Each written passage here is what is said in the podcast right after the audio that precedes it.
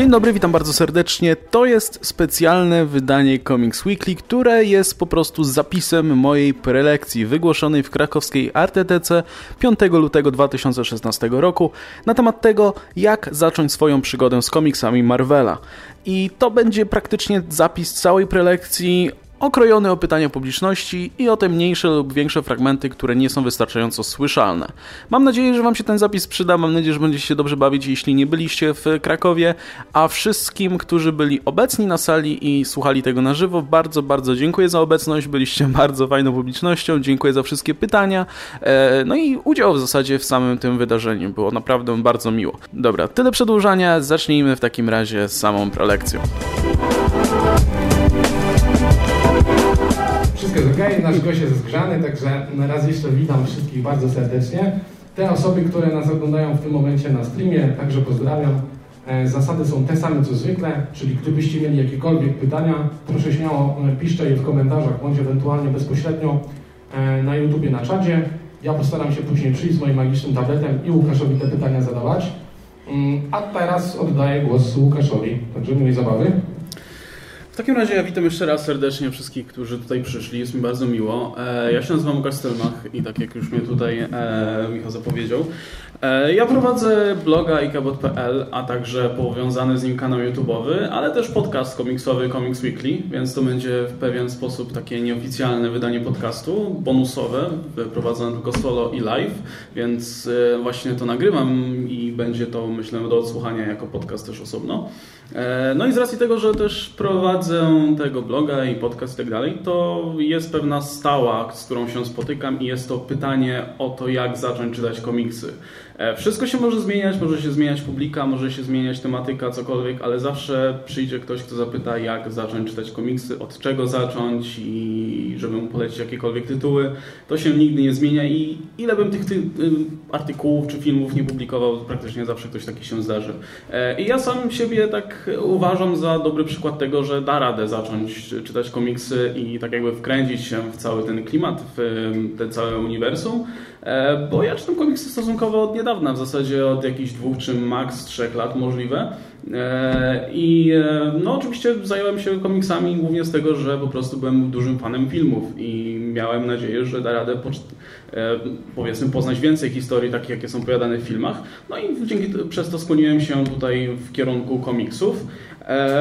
No i Problem w tym, że właśnie nie, nie, bardzo wiedziałem od czego by tu zacząć, więc pierwsza rzecz, za jaką sięgnąłem, to był taki event, który swego czasu wyszedł, który się nazywał Avengers vs. X-Men.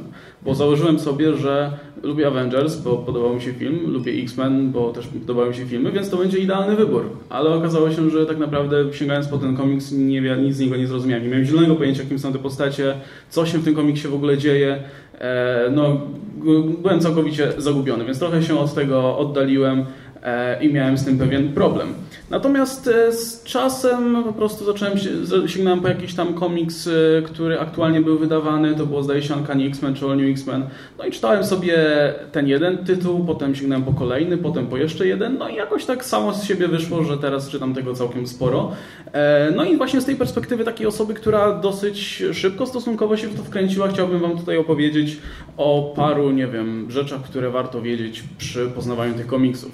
Tyle, że to, co ja powiem, to są na dobrą sprawę tylko pewne ogólne wskazówki albo jakieś porady, bardzo subiektywne. Natomiast nie jest to w żadnym wypadku nic, co powinniście brać jako, nie wiem, prawdę objawioną. Generalnie to wszystko, co powiem, kompletnie nie jest Wam potrzebne w żadnym wypadku. Praktycznie wydaje mi się, że każda osoba powinna znaleźć tak jakby swoją drogę i tak jakby próbować poznawać te komiksy po swojemu. Yy, I podstawową zasadą, ja o tym pisałem ostatnio u siebie na blogu, ale więc nie będę tam jakoś tego streszczał mocno. W każdym razie ważna rzecz i chciałbym, żebyście przez praktycznie cały czas trwania tej prelekcji mieli to zawsze z tyłu głowy, że podstawową zasadą jest to, żeby po prostu zacząć czytać cokolwiek i nie bać się i po prostu sięgnąć po jakikolwiek zeszyt, nie wiem, wybrać pod względem tego, jaka okładka Wam się podoba, jakiego bohatera znacie i o, o jakiego chcecie poznać trochę lepiej, kogo kojarzycie z filmu czy z czegoś innego. E, jakkolwiek, po prostu zacząć czytać cokolwiek i to samo pójdzie po prostu e, nie bać się. Chodzi o to, że akurat w przypadku komiksów Marvela, i o tym będziemy mówić dzisiaj, ale w, w DC może też, ale w trochę mniejszym stopniu, bo oni tam co jakiś czas robią różne restarty i tego typu rzeczy, ale w przypadku Marvela praktycznie za jaki komiks byście nie sięgnęli, zawsze będzie ten moment, że trafi się jakiś wątek, którego nie będziecie rozumieć. Zawsze będzie jakiś, jakieś, będą odniesienia do jakiegoś wydarzenia, którego nie będziecie znać, bo nie wiem, nie czytaliście poprzednich rzeczy. Po prostu nie ma siły, żeby na to nie trafić, nie trafić. Bo Marvel ma ten fetysz, że oni się strasznie starają to uniwersum trzymać w ciągłości. E, w zasadzie od samego początku, od tego 61 roku, kiedy się przyjęło, że uniwersum Marvela wystartowało, do dzisiaj ono nigdy nie było restartowane. Ostatnio się mówiło o restarcie, ale ostatecznie nic z tego nie wyszło i dalej to uniwersum trwa. Oni mają ogólnie właśnie, starają się właśnie stawiać na to, by postacie, wydarzenia, wątki, to wszystko się zmieniało, było płynne, że Spider-Man, o którym, czy jakakolwiek inna postać, gdy czytałem dzisiaj, to jest tak jakby zupełnie inny człowiek e, niż ta postać, która była, nie wiem, 10 czy 20 lat temu. W przypadku Batmana w zasadzie można sięgnąć po jakiś komiks sprzed iluś tam lat i spotkacie Batmana, który rozwiązuje jakąś sprawę albo, nie wiem, szuka jakiegoś przestępcy i tak dalej. I to jest mniej więcej cały czas to samo. Oczywiście upraszczam tutaj w dużym stopniu, ale mimo wszystko tam, tam jest ten, ta pewien, pewno, pewne status quo jest mniej więcej stałe. W Marvelu nie. Marvelu praktycznie to się cały czas zmienia, a w ostatnich latach szczególnie, bo tak jakby rynek wymusił to, że ten e, status quo w Marvelu się zmienia praktycznie co pół roku o 180 stopni. E, to zresztą ma związek z tym, że tak jakby czas w Marvelu działa w dosyć specyficzny sposób. E, praktycznie te całe ileś tam lat, od 61 roku, to na dobrą sprawę, gdyby to przełożyć na nasze lata, to wychodzi jakieś 14, coś koło tego funkcjonowania tych bohaterów w ogóle w, no, jako superbohaterowie. E, Tom Brevoort zdaje się mówił, że uniwersum Marvela trwa 14 lat, coś koło tego. E, więc generalnie chodzi o to, że i to ma oczywiście wady i zalety. Także jeśli sięgacie po komiks Marvela, jakikolwiek współczesny, to liczycie się zawsze z tym, że to jest komiks o jakiejś postaci, która prawdopodobnie istnieje od bardzo, bardzo dawna i ona ma już pewne losy za sobą, pewien bagaż, po prostu masę wydarzeń e, i to może być jako wada, ale może być, może być uznawane jako zaleta, bo z jednej strony to powoduje, że trochę ciężko się w te komiksy i w te postacie wciągnąć, no bo jeśli sięgacie, powiedzmy, jeśli chcecie czytać o Spider-Manie, to nikt wam nie powie, żebyście czytali od zeszytu pierwszego, bo no to byście mieli kilkanaście dobrych lat czytania. Ale jeśli czytacie po Spider-Manie współczesnym, to musicie od razu, to od razu wam się wydaje, że powinniście znać faktycznie całą jego historię, bo ten, ten cały Spider-Man ma oczywiście ileś tam romansów na koncie, ileś postaci pokonanych, E, masę wydarzeń i tak dalej. No i to może być trochę przytłaczające, bo nie wiem, nagle się pojawia jakaś postać, która będzie się odnosić do czegoś z przeszłości i tak dalej. Ale z drugiej strony to jest też bardzo satysfakcjonujące w tym względzie, że kiedy się już przez to przebrnie i się do tego przyzwyczai, to te postaci Marvela są, e, wydają się pełniejsze i bardziej skomplikowane jako po prostu postacie, bo czytacie postaci, która ma dosyć długą historię, dużo przeszła i tak dalej, więc to nie jest postać, która powstała wczoraj. Oczywiście tu też trochę uogólniam, bo oczywiście są postacie, które w zasadzie powstały tutaj w przenośni wczoraj, jak Miss Marvel, która się cieszy ogromną popularnością, ale większość postaci Marvela istnieje od dawna i tak jakby to, że one mają długą historię, to jest ogromna zaleta, no bo tak jakby ta postać ma wiele do zaproponowania nowym czytelnikom. E, I jeszcze jedna rzecz. Warto moim zdaniem czytać Marvela na bieżąco. To znaczy, są tak jakby oczywiście dwie szkoły polecania komiksu Marvela i to takie moje bardzo ogólne uproszczenie, że jedni starają się polecać nowym czytelnikom po prostu klasyczne pozycje, jakieś rzeczy, które są bardzo popularne, cenione i tak dalej. To wszystkie rozmaite eventy czy jakieś popularne serie. E, ja wychodzę z założenia, że lepiej nowym czytelnikom polecać po prostu komiksy, które są wydawane w ileś tam ostatnich lat, bo one mogą nie być to oczywiście jest zawsze subiektywna kwestia, czy komiks jest lepszy, czy nie lepszy. One mogą nie być lepsze artystycznie, czy jakościowo, ale one są zawsze bardziej przystępne, bo te nowe komiksy Marvela właśnie od Marvel Now, o czym będziemy mówić, one są jakby pisane właśnie pod współczesnych czytelników. E, tych współczesnych odbiorców, którzy są niejako wychowani na filmach, e, na tych takich nowych, powiedzmy, nowym podejściu do tych bohaterów.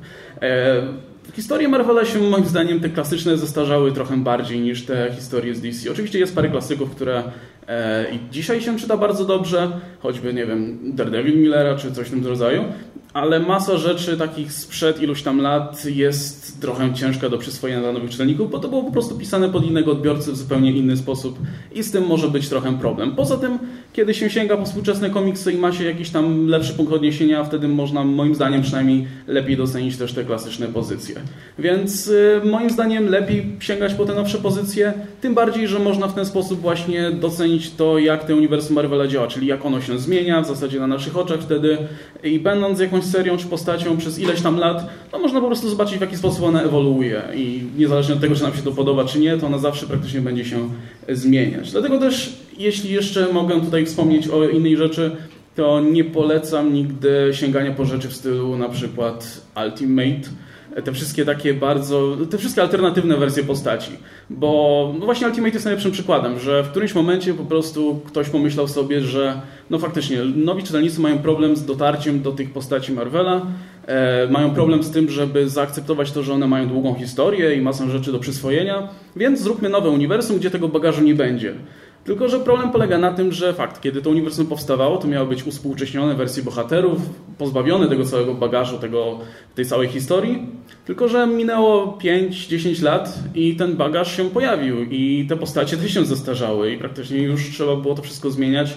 E, no i powstało po prostu drugie uniwersum, które też miało swoją dziwną, poplątaną historię, które było po prostu uboższe, e, ale wyszło na dobrą sprawę na to samo, więc w końcu musieli to Ultimate zamknąć.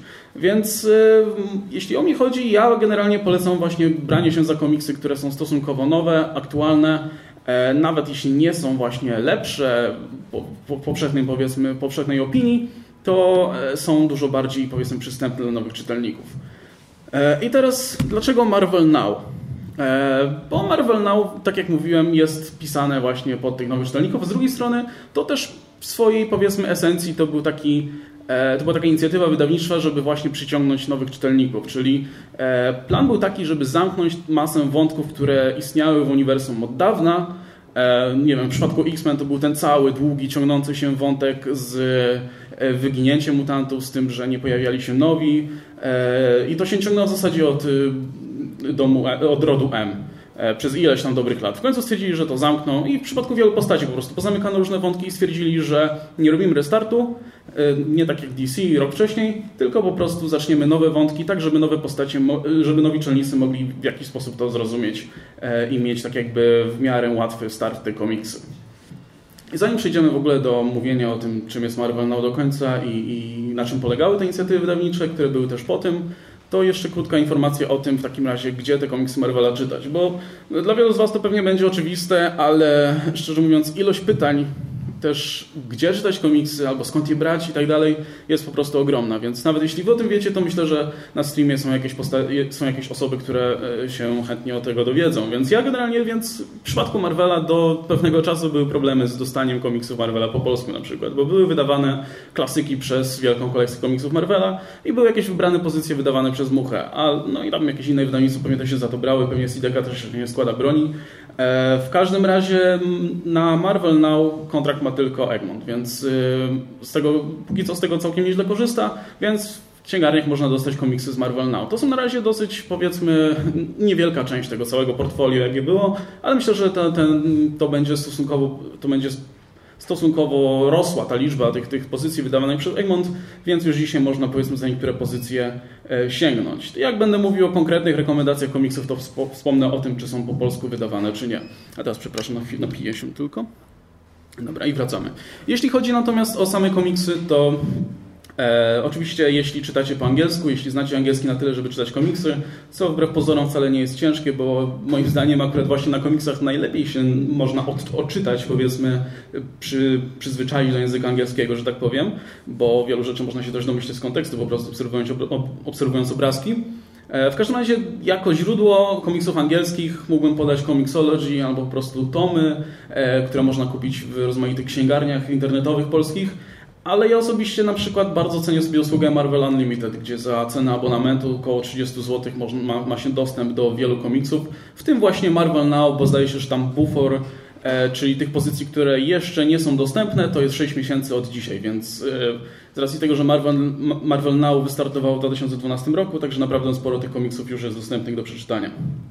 E, przejdźmy sobie zatem do tego Marvel Now. Więc tak jak wspominałem wcześniej, była to niejako odpowiedź na inicjatywę DC. DC wtedy wystartowało z swoim rebootem, gdzie skompresowali swoje uniwersum do, zdaje się, 5 czy 10 lat I, no i pojawiły się jedynki z takim zamysłem, żeby pokazać klientom, że to są tak jakby komiksy, po które można sięgnąć, bo to są tak jakby postacie, które funkcjonują, czy tam istnieją tylko kilka lat, więc to nie będzie ciężkie do zrozumienia i tak dalej. No i to się bardzo dobrze sprzedało. Ludzie po prostu pokochali ten New 52. Nawet jeśli fani trochę narzekali, no to ilość nowych czytelników jak najbardziej to wynagrodziła. No i komiksy sprzedawały się bardzo dobrze. Więc Marvel postanowił, że też coś wymyśli w takim razie, żeby jakoś na to odpowiedzieć. No i wymyślili to Marvel Now, że e, powiedzmy zamykamy stare wątki, zaczynamy nowe co było takim fajnym krokiem, bo zadowoliło tak naprawdę obie strony. Bo nowi czytelnicy dostali postacie czy komiksy, które były pisane pod nich. E, w wielu, może nie we wszystkich przypadkach, ale w wielu przypadkach właśnie pisane w ten sposób, żeby e, tak jakby nacisk był kładzony na te nowe wątki, na ten nowy, nowy rozdział e, w, w, życiu nowych postaci, dzięki czemu właśnie nowi czytelnicy nie czuli się zagubieni, no ale z drugiej strony to wciąż było to same uniwersum, to wciąż były te same postacie, o których, o których na przykład starzy fani czytali przez ileś tam lat, więc E, więc ta inicjatywa również została przyjęta bardzo dobrze. E, no i w takim razie te, te jedynki wyszły, te, te, wszystkie jedynki wyszły od Marvela, one się dobrze sprzedały, no i Marvel w takim razie zaczął zasypywać rynek kolejnymi inicjatywami, więc była druga fala Marvel Now, potem było All New Marvel Now, gdzie Marvel trochę bardziej zaczął eksperymentować, zaczął zwiększać różnorodność tych bohaterów, pojawiły się, pojawili, pojawiły się postacie o bardzo różnym powiedzmy pochodzeniu etnicznym, o bardzo różnej, e, postawiono mocniej na na przykład superbohaterki e, i tak dalej. Pojawiły się takie postacie właśnie jak Miss Marvel, czy jak e, nowy Ghost Rider. E, no i to również się sprzedało całkiem nieźle, więc Marvel poszedł za ciosem i posta postanowił postawić na tak zwanych legacy heroes, czyli tak jakby wielu bohaterów przekazało pałeczkę trochę dalej e, i pojawił się nowy Kapitan Ameryka w osobie sama Wilsona, pojawił się e, nowy Thor w osobie Jane Foster, no i tak dalej, i tak dalej. I Potem okazało się, że trzeba było coś z tym zrobić, bo zrobił się trochę za duży bałagan. Generalnie był trochę problem z tymi nowymi postaciami, bo powiedzmy nowy czytelnik, który sięgnął za komiksy Marvela, nie bardzo widział tam jakichkolwiek znajomych postaci. Więc e, zaplanowano dużo wcześniej w zasadzie event, który miał trochę te uniwersum Marvela posprzątać. E, I o tym, jeszcze o samych seriach komiksowych będziemy za chwilę mówić osobno, ale w serii New Avengers, a także pośrednio w Avengers, zaczęło się coś, co było nazwane inkursjami, incursions, albo po prostu zdarzeniami rzeczywistości, więc e, zaczęły się pojawiać pewne głosy, czy powiedzmy zaczęto w jakiś sposób układać fabułę tak, żeby doprowadzić do powiedzmy zniszczenia uniwersum Marvela. No i w końcu do tego w pewien sposób doprowadzono.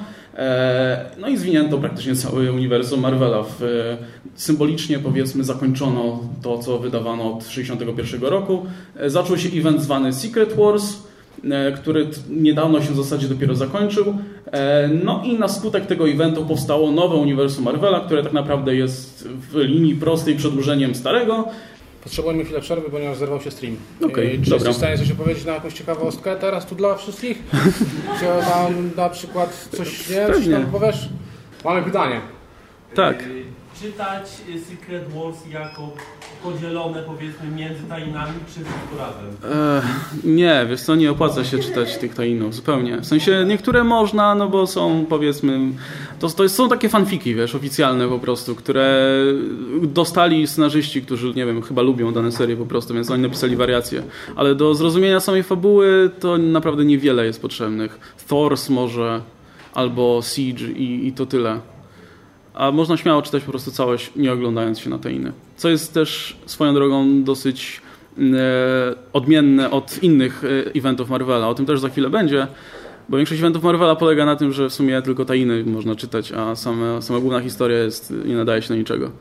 E, tak. Jaki jest taki, e, o ile się różni to, co jest w filmach Marvela, tego co jest w komiksach? W sensie, czy ma jakieś, jakieś wspólne Ciężkie pytanie. No różni się, bardzo się różni. Znaczy wbrew pozorom, to jest, wiesz, to jest taka dziwna sytuacja, gdzie masz gdzie filmy się w pewnym stopniu inspirują tymi komiksami, starają się wziąć to, co nie wiem, może odpowiadać powszechnej publice z komiksów, a z drugiej strony potem komiksy próbują e, inspirować się filmami.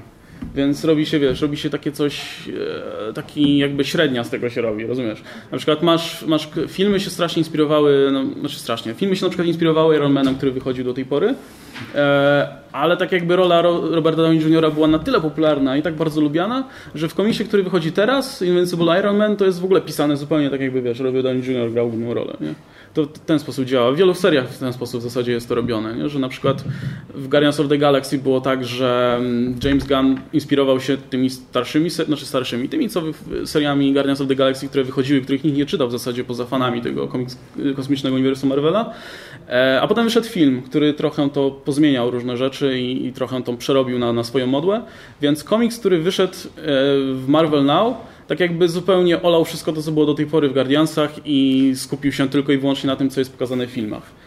Kompletnie, wiesz, alienując fanów. Więc na przykład ostatnio wysz, zaczął wychodzić komiks y, ze Star-Lordem, który ma origin ten filmowy, mimo że Star-Lord miał zupełnie inne pochodzenie w komiksach wcześniej. Więc tak jakby no, pod filmy się masa rzeczy robi teraz dopiero, jak filmy zdobywają popularność. Yy, bardzo przepraszamy wszystkie osoby, które oglądają nas na żywo przez internet. Mieliśmy małe awarie. To dlatego, że wpadła grupa komandosów, e, ale już wszystko jest opanowane. W związku z tym wracamy. E, staraliśmy się Łukasza troszkę wstrzymać, w związku z tym dużo nie straciliście. No i Łukasz, w takim razie przepraszam od tego momentu, którym skończyłeś. E, to, dobra, to ja chyba skończyłem Secret Wars, więc no pojawiło się to Secret Wars i Secret Wars miało być duże, miało być naprawdę ważnym, ważnym, bardzo ważnym eventem.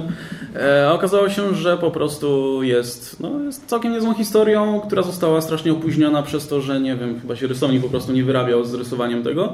E, ale wszystko się skończyło, wszystko się miało skończyć rebootem. Wszystko po prostu zapowiadało to, że Marvel zrobi to samo, co zrobiło DC, że po prostu zrestartuje linię czasu albo jakoś ją skompresuje, zmodyfikuje, żeby to wszystko było prostsze i właśnie łatwiejsze do ogarnięcia. Ale jakoś chyba w połowie drogi im się odwidziało, bo skończyło się po prostu na kolejny Marvel Now, więc tak jakby to all new, all different Marvel, który mamy teraz, ta powiedzmy inicjatywa wydawnicza, która jest teraz, gdzie wychodzą kolejne jedynki, nowe komiksy, praktycznie przypomina Marvel Now. Ma te, dokładnie te same założenia, że to są po prostu tak jakby nowe wariacje postaci, jakieś nowe wątki i tak dalej, ale zupełnie nie, nie jest to w żaden sposób reboot. To jest tak dalej cały czas to samo uniwersum, więc Marvel nie był śmierci to uniwersum, ale no nie do końca. E, no i tak jak wspominałem, odpowiadając, na to pytanie, wyszło też po prostu cała masa tainów, które nie mają żadnego znaczenia. I E, no mówię, część jest powiedzmy w niewielkim stopniu istotna, jak Thors albo Siege, gdzie po prostu mamy tak jakby background do rzeczy, które się dzieją w samym evencie, ale większość jest po prostu, można ją śmiało ominąć, bo ani nie są dobre, ani nie są ważne. Nowe, nowe, to, to nowe uniwersum, które mamy teraz, ono jakby powstało z połączenia właśnie tego mainstreamowego uniwersum, które było do tej pory, tego, które było kontynuowane od 1961 roku oraz uniwersum Ultimate, o którym też wspominałem ciut wcześniej, czyli tej tak jakby unowocześnionej wersji, współcześnionej wersji bohaterów, gdzie właśnie gdzieś tak po 3-4 latach istnienia stwierdzono, że to już tak jakby nie ma sensu i tam zabito praktycznie połowę bohaterów, którzy istnieli, więc y, ostała się cała garst, jakaś niewielka garstka, no i ta garstka została teraz przeniesiona do tego mainstreamowego uniwersum. Między innymi Miles Morales, o którym pewnie słyszeliście, czyli ten nowy Spider-Man, który jest teraz oczywiście, funkcjonuje sobie w tym mainstreamowym uniwersum. E, no i to też tworzy pewne problemy, bo dzisiaj jak sięgniecie po komiksy Marvela e, i o tym też, o tym chyba wspominaliśmy zdaje się w którymś z odcinków podcastu, to e, możecie mieć problem z ogarnięciem w zasadzie kto jest kim i co się dzieje. Więc trochę jakby ta inicjatywa, cały ta, cała ta akcja Secret Wars trochę nie wypaliła, bo to miało, tak jak mówiłem, posprzątać uniwersum, a w zasadzie sprawiło, że się zrobiło dużo bardziej skomplikowane. Bo z jednej strony mamy w cholerę nowych postaci, mamy w zasadzie wiele postaci, które występują tak jakby w dwóch różnych wariantach. Mamy, nie wiem, kilku różnych Spider-Manów z Milesem, Peterem, e, Spider-Manem 2099, ze Spider-Gwen i w ogóle całą masą rozmaitych pająków. Mamy dwóch Kapitanów Ameryka, bo zapowiedziano już, że Steve Rogers, który gdzieś tam w międzyczasie został pozbawiony mocy, wróci, a, między, a poza tym jest jeszcze Sam Wilson, dotychczasowy Falcon.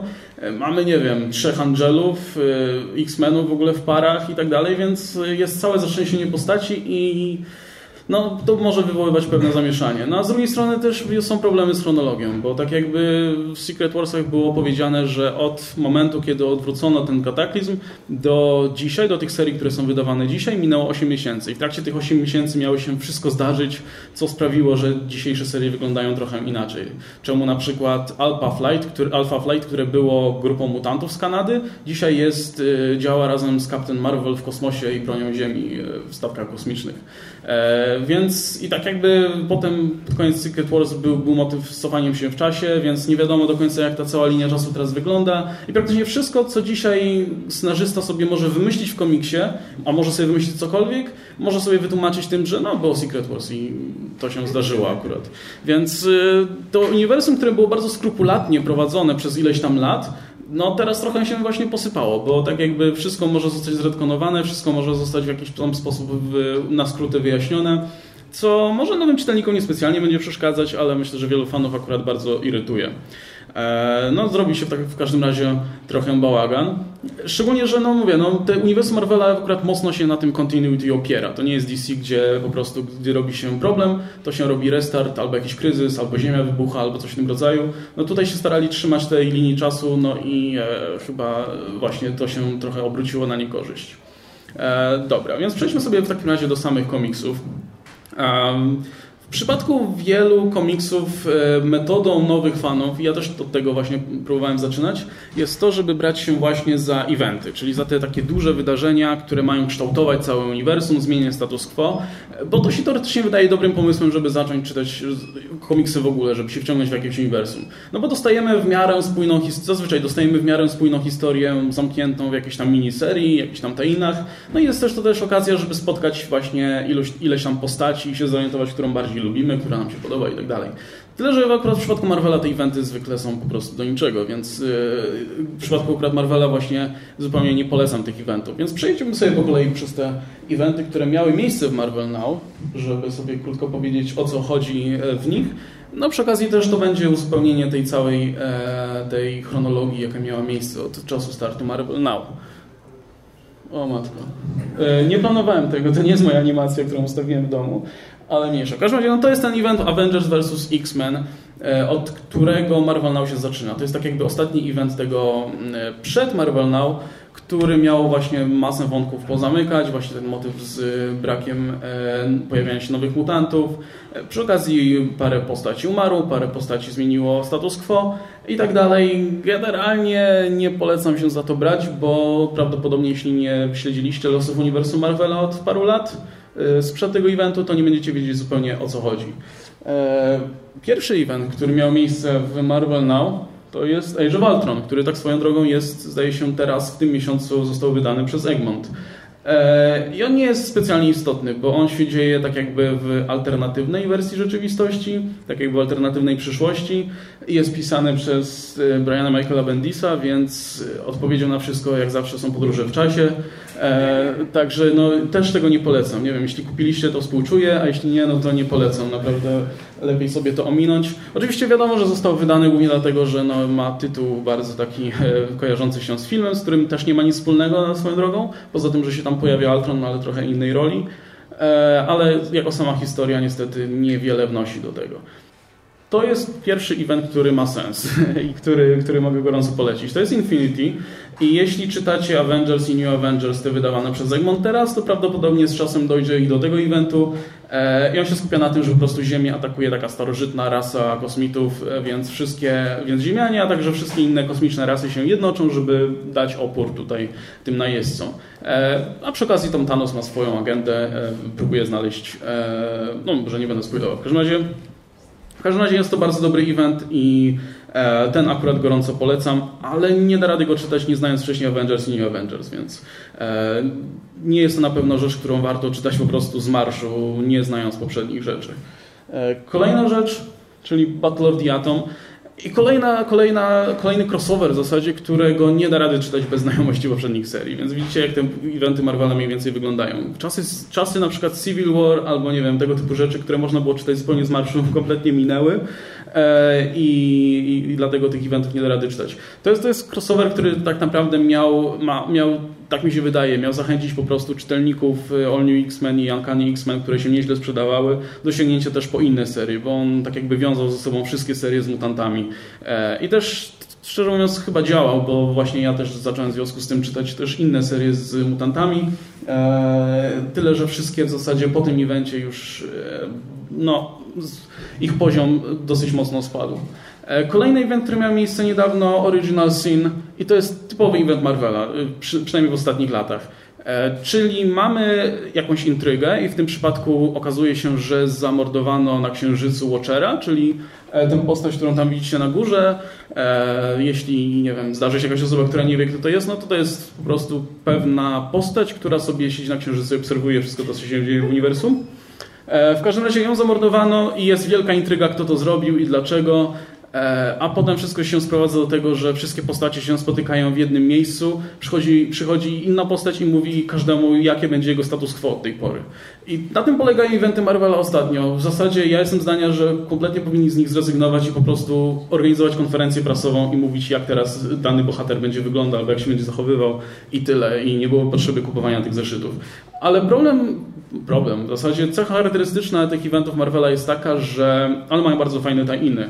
E, o ile sama seria zwykle jest po prostu pretekstem do tego, żeby coś tam w tym uniwersum zamieszać i coś tam pozmieniać, tak w przypadku właśnie mm, Original Sin, czy też kolejnych, o których będziemy mówić, to są bardzo fajne właśnie tytuły towarzyszące. Na przykład wiele serii e, powiązanych z Original Sin po prostu skupiało się na odkrywaniu jakichś tajemnic, które były związane z innymi postaciami. Czyli ktoś się dowiadywał, kimś na przykład Daredevil się dowiedział czegoś o swojej matce i tak dalej. Więc ten event akurat całkiem sporo w uniwersum pozmieniał. No ale sam sobie, no to też mówię, nie był niestety na specjalnie wysokim poziomie. E, potem nam umarł Wolverine, bo to też jest pewna praktyka, która jest w Marvelu obecna od, od zawsze, no od zawsze może nie, ale od przynajmniej paru lat. E, i na co też chciałbym Was uczuli, żebyście na to uważali, po prostu sięgając po jakieś tytuły, że Marvel strasznie stara się zrobić wielką rzecz z uśmiercania pewnych bohaterów, bo wydaje mi się, że po prostu zrobią wielką aferę z tym, że ktoś umiera, a potem, że ktoś wraca do życia i to im sprzeda więcej komiksów, więc to był mniej więcej też taki przypadek. E, generalnie, to jeśli ktoś jest wielkim fanem Wolverina, to myślę, że znajdzie coś ciekawego w tej serii, bo to jest tak jakby jeden wielki hołd dla tej postaci ale jako seria po prostu zdatna do czytania to też niespecjalnie, bo to jest po prostu Wolverine, który sobie jeździ po świecie i e, no i tak się składa, że w którymś momencie umiera. Dosyć, w zasadzie mało powiedzmy spektakularny sposób, bardzo taki kameralny, e, więc no też nie bardzo wiem, czemu ta śmierć Wolverina miała służyć, bo ta postać się fajnie rozwijała, no ale ktoś decydował najwyraźniej na górze o tym.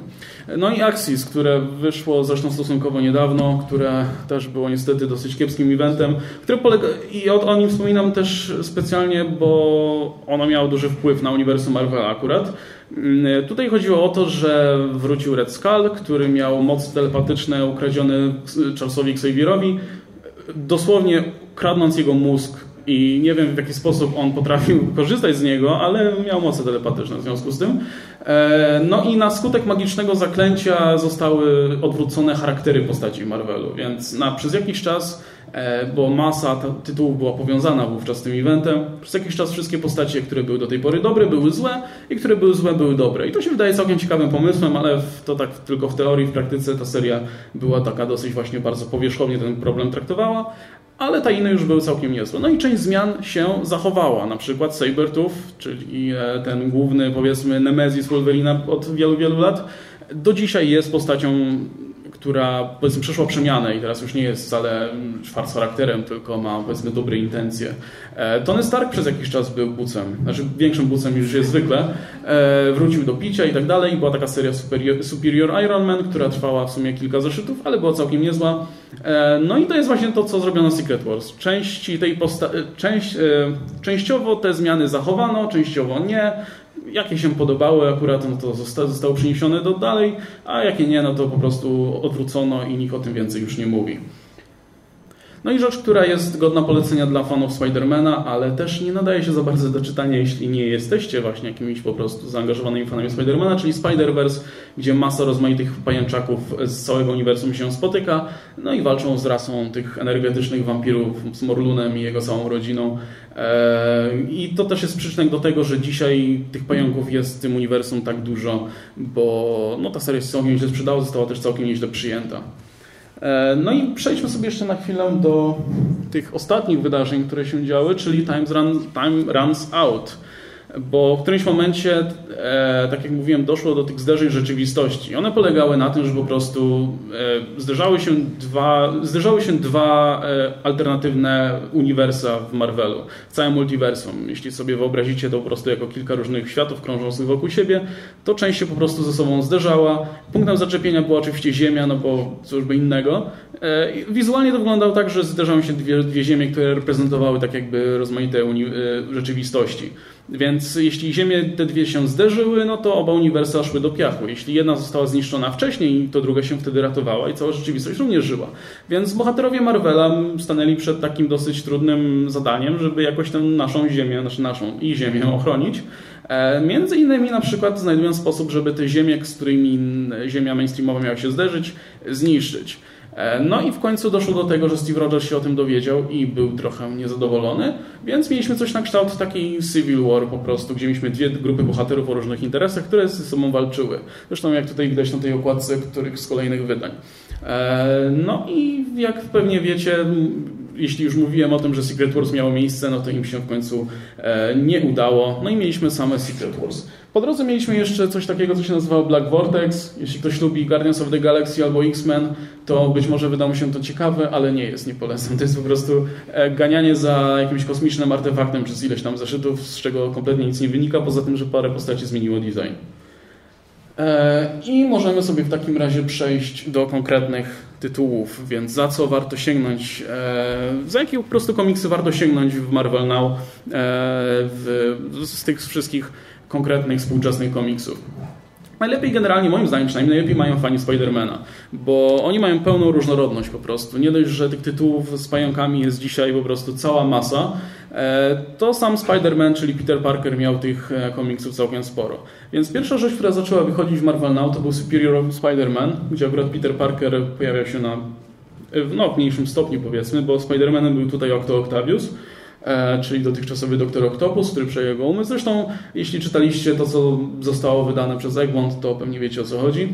E, w każdym razie potem, e, po jakimś czasie, gdy ten Superior się skończył, to pojawiła się nowa seria z powrotem Petera Parkera i to już był klasyczny Spider-Man, Peter Parker, czyli ten życiowy nieudacznik, który po prostu walczy z przestępcami, rzuca żarcikami i tak dalej. E, aż w końcu ktoś stwierdził, że wypadałoby trochę ruszyć do przodu z tą postacią. No i teraz w tym e, nowym uniwersum, w All New Different Marvel, status Petera Parkera się trochę zmienił i on stał się kimś w rodzaju Ironmana, to znaczy E, stał się superbohaterem, który ma swoją firmę i ta firma ma filie w różnych miejscach na świecie, który produkuje rozmaite gadżety, których potem sam korzysta, e, który jest pewnym mentorem dla innych superbohaterów, między innymi tych wszystkich pajęczaków, które w uniwersum Marvela istnieją. Więc e, ja osobiście nie jestem wielkim fanem Spidermana, ale z tego co słyszałem, to wielu fanom się ten kierunek bardzo podoba, więc myślę, że jeśli ktoś jest tutaj fanem Spidermana, to myślę, że spokojnie powinien sięgnąć za tą serię, a jeśli chcę wiedzieć więcej, skąd wiele rzeczy, które się pojawiają w tej serii się wzięło, no to może sięgnąć do poprzedniej albo właśnie jeszcze do Superior e, Spidermana, bo znając życie prawdopodobnie Superior Spiderman z Octo Octaviusem jeszcze wróci, bo on też się cieszył dosyć sporą popularnością. Aha, no i właśnie, jeśli, już jesteśmy przy temacie Spidermana, to masa osób pyta, e, skąd się wziął Miles Morales i gdzie czytać o jego losach. Więc Miles Morales był, e, tak jak, znaczy tak, Spider-Man miał oczywiście swojego odpowiednika w uniwersum Ultimate, czyli tym takim unowocześnionym uniwersum. E, I przygody Spidermana tam były raczej dobrze odbierane, natomiast no, to była dokładnie ta sama historia, po prostu lekko unowocześniona, z paroma zmianami w postaciach. Natomiast no, to był ten sam klasyczny Spider-Man. Ale w końcu ktoś podjął bardzo odważną decyzję i zdecydował się Petera uśmiercić na stałe, znaczy do czasu, ale wówczas na stałe. Więc pojawił się na jego miejsce Miles Morales, który również miał podobną historię, również został ugryziony przez pająka, który tam był napromieniowany, czymś o ile dobrze pamiętam ale tak jakby jego geneza jest ściśle związana z Peterem Parkerem, to znaczy on tak jakby takim bardzo esencjonalną częścią charakteru jest to, że on by chciał tutaj to dziedzictwo Petera Parkera uhonorować i on się tak jakby czuje zobowiązany względem tego, że powiedzmy otrzymał podobne moce. Więc to jest bardzo ciekawa postać. On jest tak jakby tym Peterem Parkerem u początku jego drogi. Więc jeśli komuś się po prostu znudził Peter, który jest już po iluś tam związkach, który już jest dorosłym człowiekiem z pracą i tak dalej, no to zawsze ma Milesa, który jest dalej tym nieopierzonym, niedoświadczonym, młodym superbohaterem, który musi łączyć powiedzmy te swoje obowiązki z, nie wiem, życiem szkolnym i tak dalej. Także bardzo sympatyczna seria. Ona się zaczęła w, e, tak jak mówiłem, w uniwersum Ultimate, w Ultimate Comic Spider-Man, potem był relaunch e, Miles Morales Ultimate Spider-Man, no i teraz jest nowa seria, która się nazywa po prostu Spider-Man, gdzie Miles trafił tutaj do normalnego uniwersum.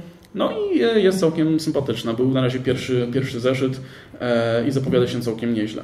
E, dobra, więc przejdźmy sobie do tematu Avengers, bo generalnie fani Avengers, jeśli ktoś tak jak, tak jak ja... Momencik. Przepraszam. Jeśli ktoś tak jak ja na przykład jest fanem filmu Avengers i chciałby poczytać komiks mniej więcej, który miały podobny klimat, miały podobnych bohaterów, no to ma przechlapane, bo nie ma takiego komiksu na dobrą sprawę. Bo to, co było wydawane w Marvel na od samego początku, czyli seria Avengers Hickmana. I jeśli czytaliście to, co wydał Egmont właśnie, to możliwe, że, że możecie się do tego odnieść. Ona zupełnie nie przypomina tego, co jest w filmie. To jest taka bardzo skomplikowana, ciężka, ciężko strawna seria, e, która co prawda zaczyna się od tego filmowego składu, chyba tak specjalnie właśnie, żeby tutaj dać nadzieję, e, właśnie tego z Kapitanem Ameryką, Black Widow i tak dalej, a potem nagle się ten skład rozrasta po prostu do nie wiem, 20 osób różnych, które mają różne zadania i różny poziom mocy i tak dalej. E, no i oni się mierzą strasznie takimi dziwnymi zagrożeniami. Gdzieś tak do, do Infinity zupełnie nie miałem zielonego pojęcia o czym, o czym te komiksy są. A na przykład pojawia się ten drugi tom, który teraz który już chyba wydał Egmont, zdaje się, czyli ostatnie białe zdarzenie. Nigdzie w tym komiksie nie jest napisane na przykład, co to jest to białe zdarzenie, więc e, nie, nie, jest strasznie ciężko się w tym ogarnąć i naprawdę trzeba poświęcić dużo czasu, żeby w ogóle załapać, o co w tych seriach chodzi. W New Avengers jest ciut łatwiej. New Avengers opowiada o Illuminati, czyli tych takich e, najważniejszych postaciach w uniwersum Marvela, takich jak Richards, jak e, Black Panther, jak Black Bolt, Tony Stark i tak dalej, które się po prostu zbierają w swojej tam kanciapie i decydują o losach świata. No i i zaczyna się ta seria od tego właśnie, że Black Panther przychodzi i mówi, że no sorry, mamy trochę przeklapane, bo się ziemię zderzają, więc trzeba coś z tym zrobić. E, to już to się śledzi trochę łatwiej, ale akurat Avengers jest na przykład strasznie ciężkie w, no, powiedzmy, w przyswojeniu sobie tego, no bo to jest taki styl pisania Jonathana Hickmana po prostu. On strasznie lubi rozrzucać, powiedzmy, jakieś tam fragmenty e, swojego tworzonego tam, tworzonej przez siebie mitologii, a dopiero potem po jakimś czasie to zebrać do kupy, więc tak jakby dopiero po, nie wiem, 20 iluś tam zeszytach to się dopiero zbija w całość. I wtedy to faktycznie daje dużą satysfakcję, wtedy to się fajnie śledzi e, i to się zresztą też przenosi na Time, Time Runs Out i na Secret Wars, ale żeby powiedzmy jest taka dosyć ciężka bariera, żeby, żeby powiedzmy przebrnąć przez to, co jest na początku. E, więc takiego tytułu, który byłby lekkim, takim e, typowym superhero, takim do rozerwania się, do poczytania sobie, to niestety z Avengers za bardzo nie ma. Było coś takiego, co było wydawane w Marvel Now, się nazywa Avengers Assemble i to był właśnie też ten skład taki z filmów, ale to miało parę zeszytów, a potem przerobili to na po prostu jakiś tam team-upowy, że pewnie co, co miesiąc po prostu była jakaś inna drużyna w tym, no i to się nie sprzedawało, więc nikomu na tym nie zależało. Były też inne tytuły, jak e, właśnie, nie wiem, Uncanny Avengers, albo jak New Avengers, Young Avengers i tak dalej. Za chwilę do części z tych tytułów dojdziemy, ale tak jakby nie było nic, co byłoby odpowiednikiem filmów. Co moim zdaniem jest trochę błędem, bo tak jakby ta grupa fanów została trochę niezagospodarowana, no ale niestety tak, tak było. No właśnie, i teraz jak to wygląda w obecnym uniwersum Marvela? Więc jeśli dzisiaj ktoś na przykład chciałby czytać o Avengers, no to też nie da rady. W sensie takich Avengers, jakich mógłby znać z filmu, to też nie da rady, bo tak jakby to jest główny tytuł z Avengers. New, All Different Avengers. Jak widzicie, są tutaj same postacie, które albo są praktycznie nowe, bo nawet Vision, który w uniwersum Marvela istnieje od dawna, gdzieś tam zdaje się w zerowym numerze miał pranie mózgu, więc tak jakby niczego i tak już nie pamięta, więc to jest zupełnie nowa postać w pewnym sensie.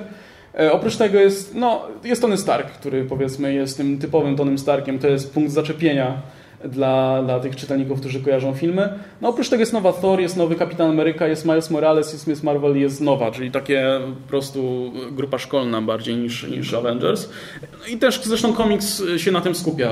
Komiks sam, sama seria zauważa to, że to nie są postacie, których ludzie traktują jak Avengers, więc co jakiś czas ludzie pytają, kiedy przyjdą prawdziwi Avengers. E, I no, to jest całkiem fajny komiks, tylko właśnie e, tak jakby no, na pewno nie jest usatysfakcjonuje tych, którzy chcieliby czytać o tych bohaterach, których, których już znają. E, no. W tych Avengers, All New, All Different Avengers jest taka sytuacja, że Tony Stark tak jakby już nie może finansować chyba ich tak, tak. i chyba Deadpool musi Nie, to jest, wiesz co, to jest, jak jest jeszcze inna seria, bo to jest tak, że właśnie tych ekip Avengers jest masa, tak jakby żadna nie jest prawdziwą ekipą Avengers, tak miałeś poprzednio, miałeś Secret Avengers, miałeś Young Avengers, miałeś inne rzeczy, ale miałeś też Avengers i widziałeś, że to jest ta główna ekipa, ta najważniejsza, nie, ze Steve'em Rogersem i tak dalej. Tutaj nie ma takiej głównej ekipy, to jest, tak jak mówię, grupa młodzików, oni po prostu się wszyscy spotkali w jednym miejscu, to było chyba w pierwszym czy drugim zeszycie i stwierdzili, że no w sumie jeśli nam ta jedna akcja wyszła, no to możemy w sumie działać jako Avengers, ale tak jak oni się nawet nie nazywają Avengers. I tak, Tony Stark miał problemy finansowe, więc sprzedał, sprzedał swoją tak jakby siedzibę i teraz są w jakiejś kanciapie w ogóle i e, jest dużo biedniej. Natomiast jest jeszcze grupa, która się nazywa Uncanny Avengers i chyba o tym będę wspominał jeszcze, nie jestem pewien, ale to mogę powiedzieć równie dobrze teraz. Jest jeszcze grupa, która się nazywa Uncanny Avengers. To jest jakby przedłużenie Uncanny Avengers Marvel Now, zanim było Secret Wars. I to był wtedy tak jakby ekipa stworzona zarówno z mutantów, jak i Avengers, że oni tak, że oni tak wspólnie działają i że stoją tutaj na straży równości, wspólnoty i tak dalej. E, I dzisiaj to jest grupa dowodzona przez Steve'a Rogersa, który, który za, zatrudnił między innymi w tej grupie Deadpoola. A że Deadpool teraz jest strasznie popularną postacią w uniwersum Marvela i mówię dosłownie, po prostu w samym uniwersum jest cholernie popularny, ludzie go lubią i ogólnie e, zarabia kupę kasy na gadżetach i różnych rzeczach, no to on też tę ekipę Avengers finansuje i Steve Rogers nie ma nic przeciwko, no bo dostaje, dzięki temu ma finansowaną ekipę. I ta grupa Uncanny Avengers to jest taka właśnie ekipa interwencyjna. Oni tak się często właśnie pojawiają w różnych dziwnych innych komiksach, jako ta grupa, która się różnych rzeczy czepia. Więc tak jakby to są dwie różne ekipy. Nie? I tak jakby Tonego Starka nie ma w tej drugiej, a, a Steve'a Rogersa nie ma w tej. A co się stało, że Tony Stark nie ma tej, tej kasy? nie wiem. Secret Wars się zdarzyło. To jest właśnie to, jest to, o czym mówię, że to po prostu nagle się, wiesz, pojawia, Tony Stark się pojawia i mówi, no ja teraz już nie mam kasy, muszę sprzedać siedzibę Avengers. I wszyscy są, okej, okay, nie, no, no dobra. Nie? Wiesz, kiedyś to może wyjaśnią, może nie. Jest, mówię, dużo takich rzeczy, że zostawili sobie miejsce po prostu na wyjaśnienie tego kiedyś może jak dobrze pójdzie, a pewnie niektórych rzeczy po prostu zostawią e, i tyle. Generalnie ponoć Spider-Man jest teraz bogatszy od Tonego Starka i w ogóle jest większym wiesz, badasem niż, niż, niż Tony Stark był. E, zresztą będzie, zdaje się, w planach jest teraz ten Civil War 2, gdzie oboje będą znowu po przeciwnych stronach konfliktu, e, także będzie okazja, żeby tutaj się mogli wykazać swoją, powiedzmy, pozycją w uniwersum. Ok, czyli jeśli to tyle. No i to jest ekipa New Avengers, jedna, jeden z tych takich ważniejszych komiksów, który po prostu skupia takich mniej używanych bohaterów, którzy wcześniej się pojawiali, na przykład w Young Avengers, jest tam Squirrel Girl na przykład. E, I to jest całkiem fajny tytuł, ale też powiedzmy, no nie jest to powiedzmy, no, na, też mówię, nie zaspokoi na pewno tych fanów, którzy liczyli na, na typowych Avengers. Przejdźmy sobie w takim razie do tytułów solowych. I to jest Deadpool, jak widać. Deadpool będzie zresztą wydany teraz w Polsce na dniach jakoś. E, I, no i to jest moim zdaniem, skromnym, moim, moim skromnym zdaniem, najlepsza seria z Deadpoolem, jaka kiedykolwiek wyszła, więc ją gorąco polecam. I to jest jeden z tych takich wyjątków, w Marvelu. Z jednej strony jest to komiks, który faktycznie można czytać sobie śmiało bez znajomości Deadpoola wcześniej. Kompletnie. Można zupełnie nie wiedzieć, kim jest Deadpool e, i dowiedzieć się wszystkiego z tego komiksu. E, mało tego, kolejne tomy rozwijają background tej postaci i zupełnie zmieniają tak jakby status Deadpoola, bo Deadpool do tej pory funkcjonował właśnie raczej jako taki chodzący żart, taki po prostu awatar do rzucania sobie żartami, ale w tej serii został po prostu e, zamieniony w postać z krwi i kości, ze swoją dosyć dramatyczną i smutną historią, z charakterem, z całym gronem postaci drugoplanowych, więc e, ta seria wiele dobrego w każdym razie dla Deadpoola zrobiła. A poza tym też zupełnie inaczej niż w wielu innych seriach Marvela, bo właśnie, to jest jedna rzecz, o której zapomniałem wspomnieć, więc zrobię to teraz, że polscy czytelnicy często są przyzwyczajeni do tego, że kiedy kupują tom komiksowy, zbierając ileś tam zeszytów, to oczekują zamkniętej, spójnej historii, że kupujecie tom, no i oczekujecie, że ta historia będzie satysfakcjonująca, że po prostu się czymś zakończy i że będziecie mieli świadomość, że przeczytaliście jakąś sensowną historię. E, co oczywiście nie jest tutaj niczym e, nagannym. Ale chodzi o to, że komiksy, a szczególnie komiksy Marvela właśnie, nie działają zupełnie w ten sposób. To one są, one są projektowane, tak jakby wymyślane w taki sposób, żeby, były, żeby działały właśnie jako historia odcinkowa, która się tak jakby nie kończy chyba że jest oczywiście z góry za narzuconą e, serią.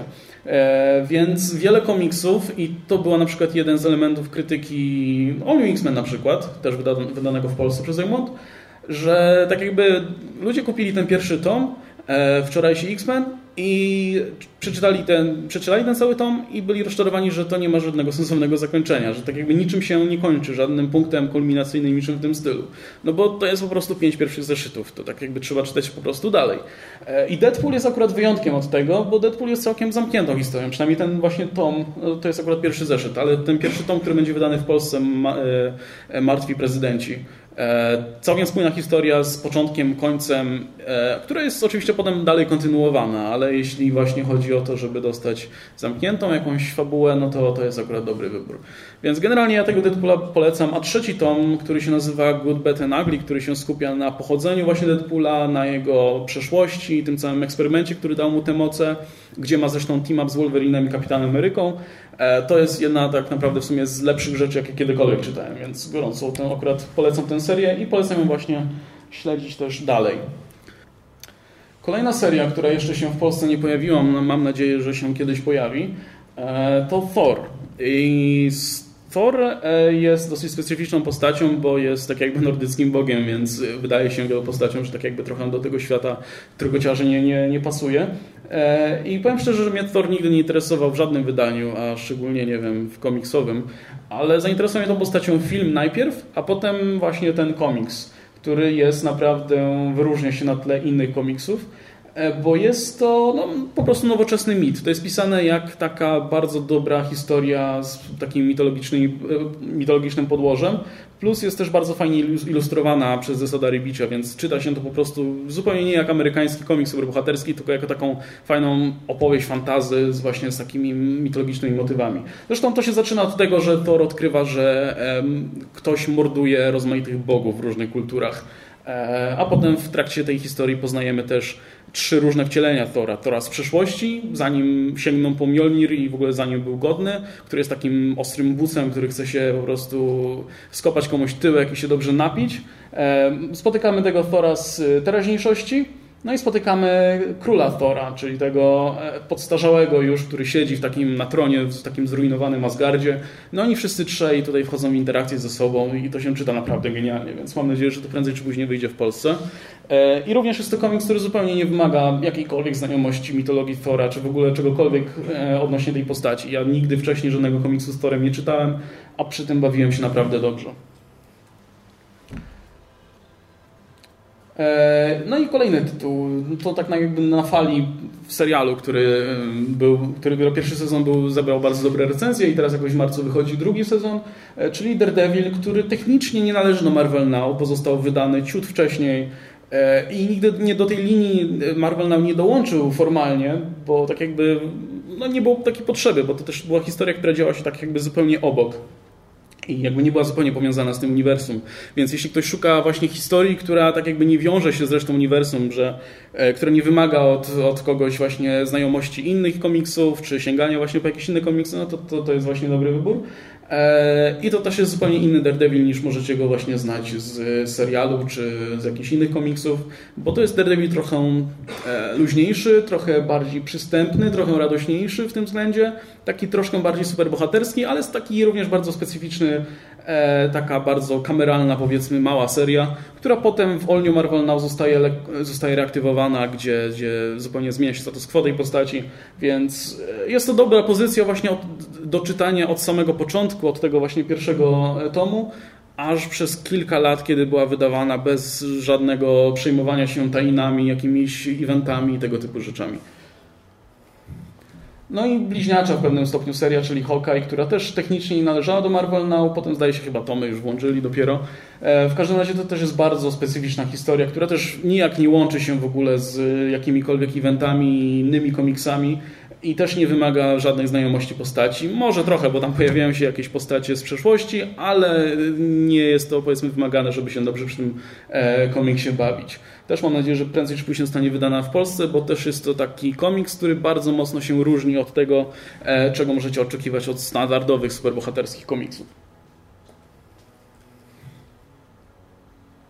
E, no i X-Men. Jeśli ktoś lubi komiksy z mutantami, to All New X-Men jest bardzo dobrym moim zdaniem wyborem, bo to jest dosyć specyficzna historia, która ma bardzo absurdalne założenie, gdzie po prostu mutanci z przeszłości, czyli ci klasyczni X-Men wymyśleni przez Jacka Kirby'ego i Stanali, zostają przeniesieni do czasów teraźniejszych. I to brzmi głupio, ale to ma naprawdę sens, bo tak jakby dostajemy postacie, które są zupełnie nowe w tym uniwersum, tak samo jak potencjalny nowy czytelnik, więc tak jakby razem z tymi postaciami dopiero się tego uniwersum Marvela, czy tego status quo, które panuje w Marvel Now, e, można uczyć.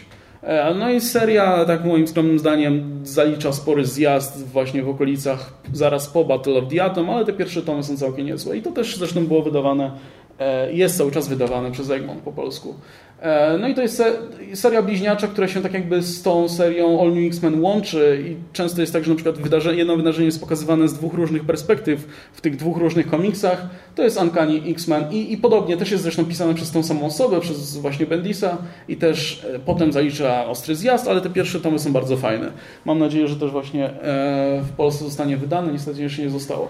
No i to jest Guardians of the Galaxy, o którym wspomniałem wcześniej, że to jest seria bardzo taka pokazująca pewien kierunek kierunek właśnie, w jaki sposób myśli Marvel. Że oni kompletnie dali sobie spokój z fanami dotychczasowymi, których no, nie było tak dużo, jeśli chodzi o Guardians of the Galaxy, bo to nigdy nie był jakiś bardzo popularny tytuł. Ale pojawił się film, pojawiło się nowe zainteresowanie, ludzie zaczęli być ciekawi, co to za postacie. No więc Bendis został zlecenie, żeby napisać Guardians of the Galaxy tak jak, tak jak, tak, tak jak są w filmie. E, I zresztą zabawna sprawa jest taka, że, że oni tak jakby pisali ten komiks na bieżąco z tym, co, co, jakie dochodziły informacje o filmie. Więc na przykład, jeśli coś się pojawiało w trailerze, to natychmiast trafiało do komiksu.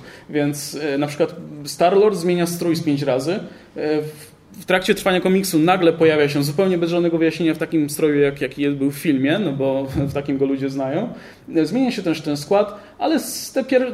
tak jak to w przypadku Bendisa jest często, w przypadku jego komiksów, przynajmniej tych drużynowych, pierwsze tomy są bardzo udane i takie lekkie, przystępne bardzo.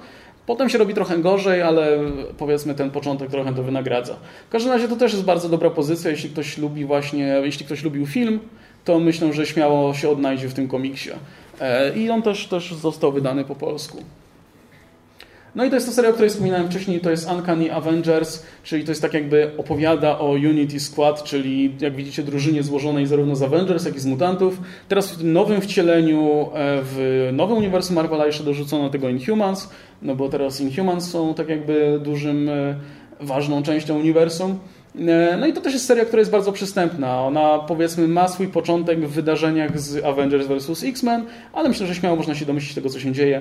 Pierwsza historia opowiada właśnie o walce z Red Skullem, który ma moce telepatyczne. Całkiem nieźle się to czyta. To jest taka bardzo absurdalna seria. W sensie ona jest pisana 100% serio, tak bardzo serio, ale tam są takie głupoty, że, że to się czyta bardzo lekko. W sensie to jest ten taki typo, to, to jest typowe dla tego mm, scenarzysty Ricka Remendera, że on potrafi pisać takie maksymalne absurdalne, wielkie historie, tak, tak bardzo na poważnie, że, się wyda, że, że, nie da rady tego czytać inaczej niż z przymrużeniem oka. No, to jest jedna z tych serii, gdzie po prostu tam, nie wiem, ziemia wybucha co tydzień i pojawiają się, apokalips się pojawia co tydzień.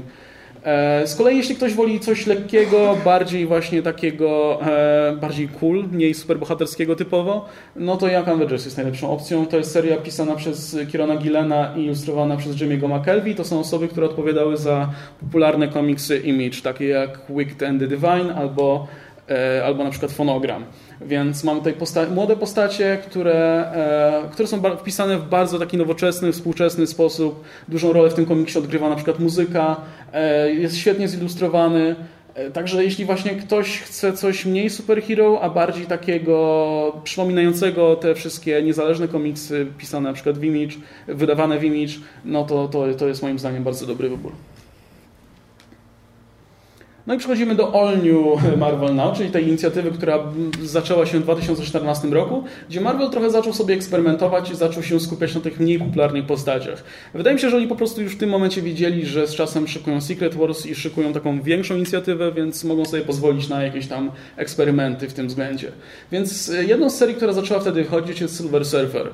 Ja osobiście nigdy nie lubiłem Silver Surfera, bo to, to był taki bardzo szekspirowski bohater, wiecznie umęczony swoim losem, e, no bo on służył jako ten e, Herald, nie wiem jak to przetłumaczyć na polski, jako ten osoba, która miała wyszukiwać Galactusowi nowe planety do zjedzenia, więc on miał strasznie po prostu ból dupy o to.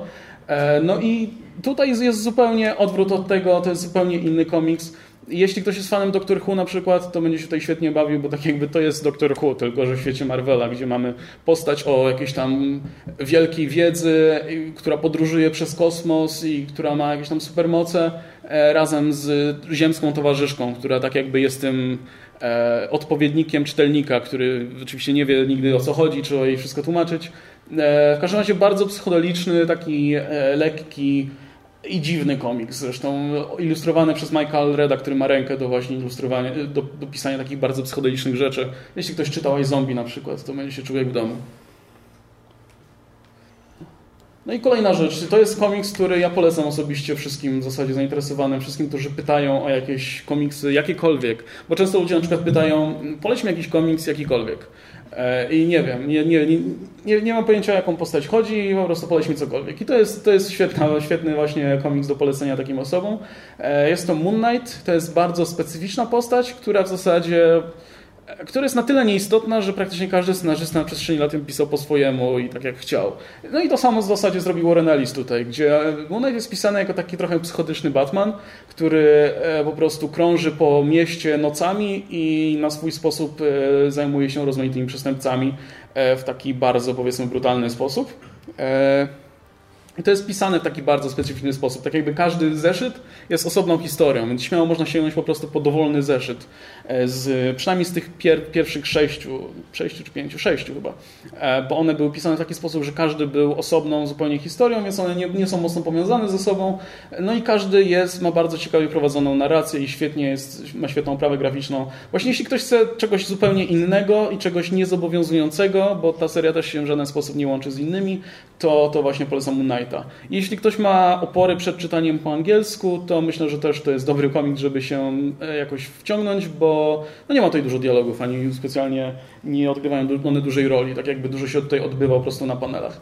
I kolejna pozycja She-Hulk, bardzo też alternatywna, taka zupełnie inna niż typowe superhero, e, gdzie mamy She-Hulk, gdzie tak jakby e, punktem ciężkości nie jest jej działalność superbohaterska, ale jej działalność prawnicza, więc ona jest po prostu prawnikiem i do niej przychodzą rozmaici dziwni ludzie z różnymi sprawami, między innymi Steve Rogers na przykład, albo nie wiem, no tego typu postacie, w każdym razie dosyć nietypowe, więc bardzo inna seria, pisana przez Charlesa Soula, który swoją drogą jest prawnikiem, więc doskonale wie o czym pisze. No i rzecz, która chyba jest największym sukcesem tej linii Marvela, czyli Miss Marvel, bohaterka, która jest e, nastolatką, muzułmanką e, i dostaje nagle supermocy w związku z eventem Infinity między innymi. E, ale oczywiście nie jest, kompletnie nie jest wymagane do, do, do czytania tego komiksu. W każdym razie to też jest w pewnym sensie odpowiednik Spidermana, w tym względzie, że dostajemy nową, młodą bohaterkę, która jest niedoświadczona, która dopiero się uczy swoich mocy, ale to jest pisane po prostu z takim urokiem, E, i taką dbałością o to, żeby fajnie pokazać właśnie tę kulturę, z której się bohaterka wywodzi. E, tak bardzo bezpretensjonalnie i lekko, że no, nie dziwię się, że, że faktycznie akurat ten komiks się tutaj takim wielkim sukcesem okazał. I Ghost Rider, który, który może tak popularny nie był, no zresztą nie sprzedał się na tyle dobrze, żeby na przykład był kontynuowany teraz, w przeciwieństwie do Miss Marvel czy Silver Surfera, ale to też był bardzo ciekawy komiks, bo on opowiadał o młodym chłopaku z takiej latynoskiej, dosyć nieciekawej dzielnicy, który no, który został zamordowany i powrócił jako Bóg Zemsty, więc jest bardzo, jako demon zemsty w zasadzie, e, więc bardzo ciekawie się to czyta. Seria też zalicza trochę zjazd po pierwszych pięciu tomach, ale moim zdaniem pierwsze pięć zeszytów jest to naprawdę świetna rzecz. Jeśli właśnie komuś przypasowała Miss Marvel, jeśli komuś e, właśnie przypasował Miles Morales, to myślę, że z rozpędu powinien sprawdzić właśnie Ghost Ridera. To są ogólnie tytuły, które myślę, że Egmont prędzej czy później też wyda, jeśli będą te komiksy Marvela się sprzedawać nieźle, ale jeszcze trzeba będzie na nie poczekać, więc proponowałbym zacząć e, sięgnąć po nie po prostu po angielsku. E, no Inhuman, czyli seria, której, która e, opowiada o Inhumans i tak jakby wprowadza Inhumans do uniwersum Marvela, bo w związku z tym, że oczywiście prawa filmowe Marvela, znaczy Marvel nie ma praw do mutantów, to próbuje ich swoim uniwersum filmowym zastąpić Inhumans jako takimi, wiecie, defaultowymi postaciami z supermocami. No i w komiksach Oczywiście w komiksach nigdy nie zastąpią X-Men, bo X-Men są bardzo popularni, więc no nie da rady ich po prostu wyciąć kosztem Inhumans, ale, e, ale starają się po prostu przepchnąć tych Inhumans trochę do przodu, dać im trochę więcej czasu, trochę więcej właśnie ekspozycji. No i Inhuman jest tym, tą próbą, to jest seria, którą zaczął Matt Fraction, ale bardzo szybko z, jakoś tam z Marvela odszedł i potem kontynuował właśnie Charles Soule.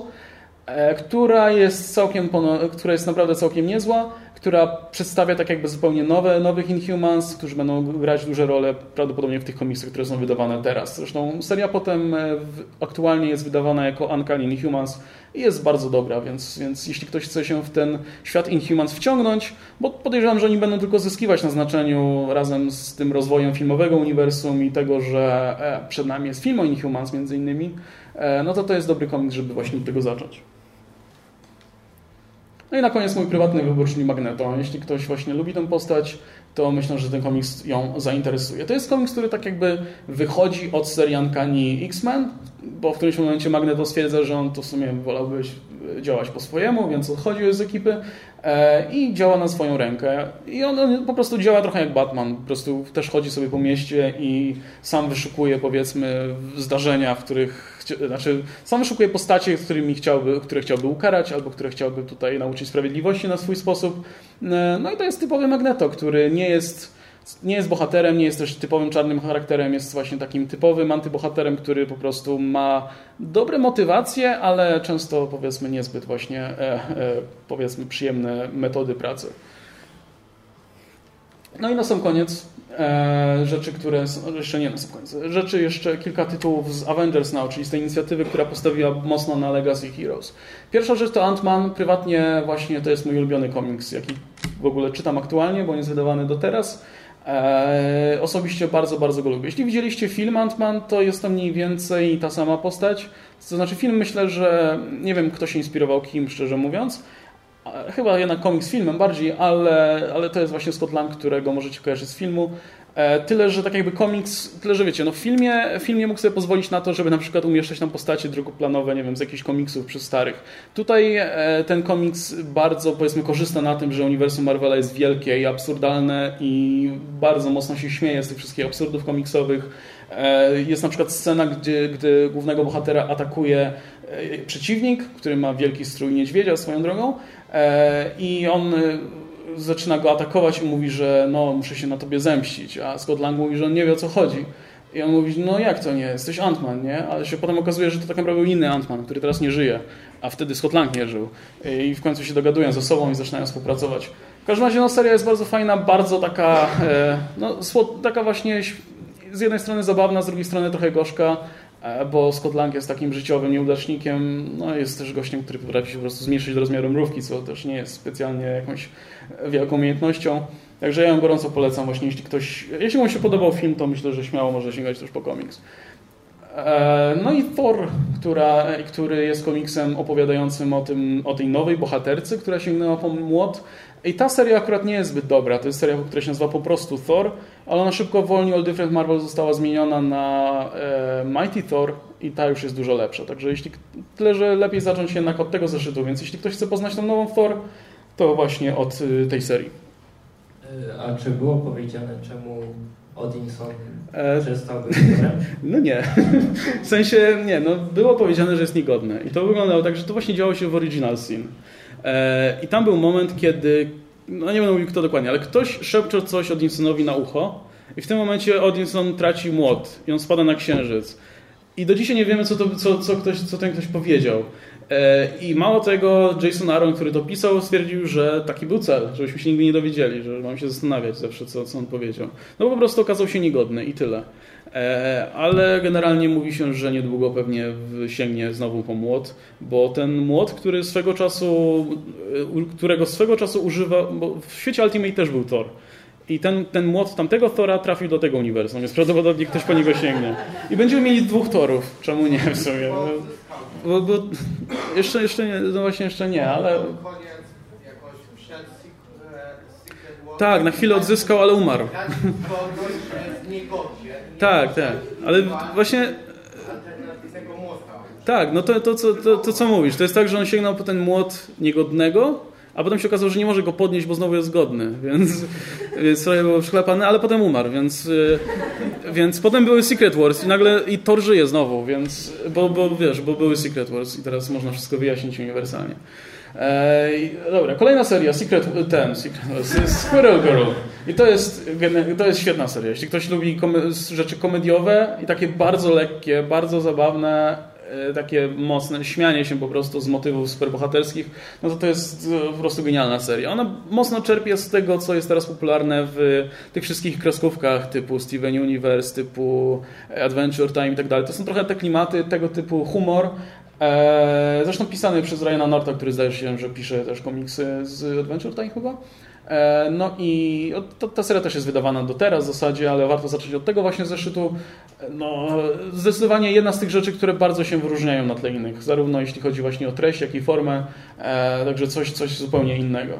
No, zresztą no, komiks o Squirrel Girl, no, bohaterce, która jest teoretycznie niepokonana w uniwersum Marvela i zresztą w tym komiksie między innymi pokonuje Galactusa, e, każąc, mu się, każąc mu zamiast ziemi skonsumować jakąś planetę, gdzie są same orzechy. E, I kolejnym tytułem, właśnie jeśli wiem, jest sporo, w ogóle to mnie trochę dziwi, ale jest strasznie dużo fanów Hulka w Polsce i dostaję masę, masę pytań o to, hej, poleć mi jakiś komiks z Hulkiem. I ja nigdy nie byłem fanem Hulka, bo dla mnie to nie jest po prostu ciekawa postać specjalnie, w sensie, że trudno się identyfikować z Hulkiem w jego zielonej formie, a sam Bruce Banner jest raczej nudną postacią, taką trochę jednowymiarową jednak, moim zdaniem. E, no i to też nie jest postać, która nie była, nie była, to też nie jest postać, która jest jakoś specjalnie popularna w samych komiksach. W sensie seria Marka Wade'a, która zaczęła być wydawana w Marvel Now, e, nie była zbyt popularna, więc zrobiono relaunch w All New Marvel Now, którą nazwano po prostu Hulk, tam to się nazywało chyba Indestructible Hulk, Hulk jakoś tak. E, gdzie stwierdzono, że trzeba coś z tym Hulkiem zmienić. Więc Bruce Banner został postrzelony w głowę w taki sposób, że Hulk się w tym momencie nie obudził i tego ciosu nie, nie wiem, nie obronił czy coś. E, w każdym razie trzeba było przeprowadzić zabieg chirurgiczny na, na Hulku czy na Bruce Bannerze. Co spowodowało, że pojawił się tak jakby nowa manifestacja Hulka. Pojawił się taki zielony olbrzym, który miał jednak inteligencję Bruce'a Bannera i on zaczął nazywać siebie Doc Green. E, I to był bardzo ciekawy pomysł, bo dostaliśmy postać, która jest w pełni świadoma swojej inteligencji, a przy okazji ma też tę swoją super siłę, więc było ciekawe patrzeć, w którą stronę ona pójdzie. I tak jakby były w tej serii takie pewne domysły, że być może stanie się z tej postaci maestro, jeśli ktoś czytał tę e, Future Imperfect historię, gdzie Hulk zawładnął tą całą ziemią. E, to, to będzie wiedział o co chodzi. E, I ten Hulk postanawia, że w takim razie skorzysta ze swojego superintelektu i ze swojej supersiły i pozbędzie się wszelkich innych Hulków z Ziemi, czyli właśnie Red Hulka, Skara, e, A-Bomba i tych wszystkich innych Hulkopodobnych istot z tego świata. I o tym jest ten komiks. I moim zdaniem się go bardzo fajnie czyta. I jeśli ktoś jest właśnie fanem Hulka, może nie takim jakimś zaangażowanym, który lubi tylko klasyczną wersję, ale jeśli chce coś czytać coś innego, no to to jest bardzo dobra seria. Hulk Jarego Dugana. No dobra, no i na sam koniec serie, które teraz są wydawane, które mają aktualnie, nie wiem, max 5 zeszytów, zwykle mniej, więc można po nie, można je bardzo szybko nadrobić. E, Sam Wilson Captain America to jest seria e, druga, która się skupia na samie Wilsonie. Pierwsza była wydawana ciut wcześniej i to miała kilka zeszytów tylko i była raczej kiepska.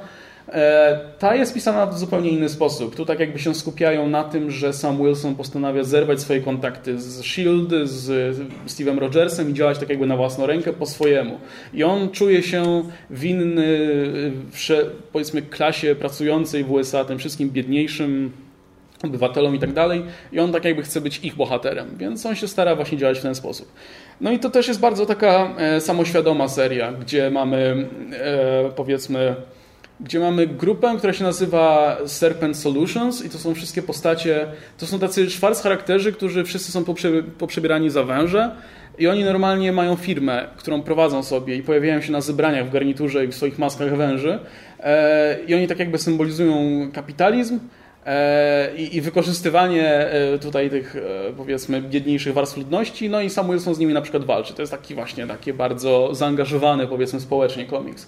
Ale też jest, jest tutaj pełno humoru i pełno takich powiedzmy absurdalnych rzeczy. Zresztą na pięć chyba zeszytów, które były wydane w, chyba sześć, to w czterech Sam Wilson jest w postaci wilkołaka, bo czemu nie? Bo został zarażony jakimś wirusem. E, kolejną serią jest Doctor Strange i tak jakby Doctor Strange nie miał swojej serii takiej solowej od bardzo dawna. Od, od, no, był jakiś miniseria czasami, ale tak jakby takiego ongoingu typowego nie miał. No ale zbliża się film bardzo niedługo, więc, więc postanowiono wydać w takim razie komiks a z drugiej strony też mocno promować Doktora Strange'a, więc on się pojawia gościnnie w zasadzie w każdym innym komiksie. Nagle ktoś musi przyjść do niego poradę czy coś w tym stylu. No i to jest bardzo dobry, dobry komiks, bardzo fajnie pisany. Opowiada o tym, że po prostu zbliża się jakieś takie super magiczne zagrożenie, które morduje magię, więc, więc oczywiście e, no wiadomo, że kto, kto będzie musiał tutaj stanąć naprzeciw tego zagrożenia.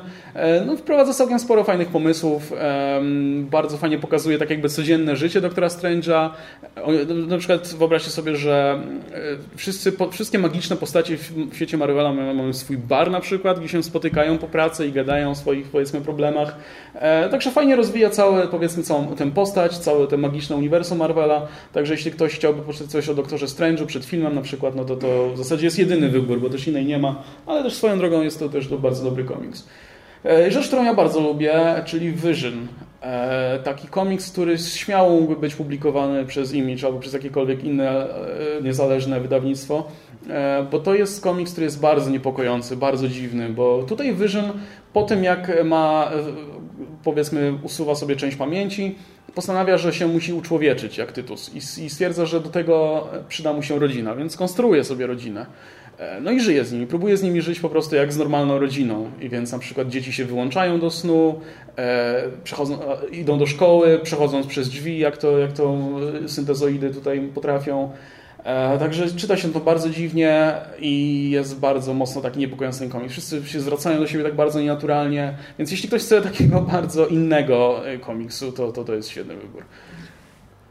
Natomiast jeśli jest właśnie sfera w komiksach Marvela, i to w zasadzie nie tylko jeśli chodzi o Marvel Now, ale też poprzednie losy, która była trochę, no powiedzmy, którą można by zagospodarować lepiej, to jest kosmos. Bo na przykład w DC kosmos jest bardzo szeroko zagospodarowany, szczególnie jeśli chodzi właśnie o te wszystkie komiksy związane z zielonymi latarniami. W Marvelu nie do końca.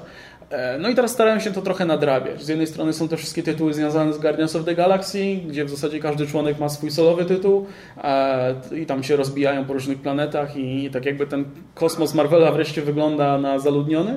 No a z drugiej strony mamy Captain Marvel na przykład, czyli bohaterkę, która z zwykłej ziemskiej superbohaterki zostaje wydelegowana jako w zasadzie główne ramię obrony przed wszelkimi powiedzmy pozaziemskimi siłami. E, no i jest to bardzo, bardzo udany komiks, który właśnie pokazuje powiedzmy tę kosmiczną część uniwersum Marvela.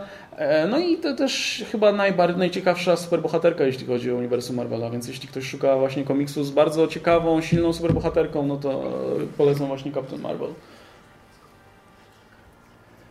E, I seria, którą chyba polecam najbardziej gorąco, tak uniwersalnie, czyli Invincible Iron Man, bo w seria Iron Man w Marvel Now nie była najlepsza, znaczy nie była może jakaś tragiczna, ale nie była zbyt ciekawa. Jedyny w zasadzie ciekawy wątek, to jak tam odkrywali pochodzenie Tonego Starka, to było w miarę ciekawe, ale poza tym raczej nuda.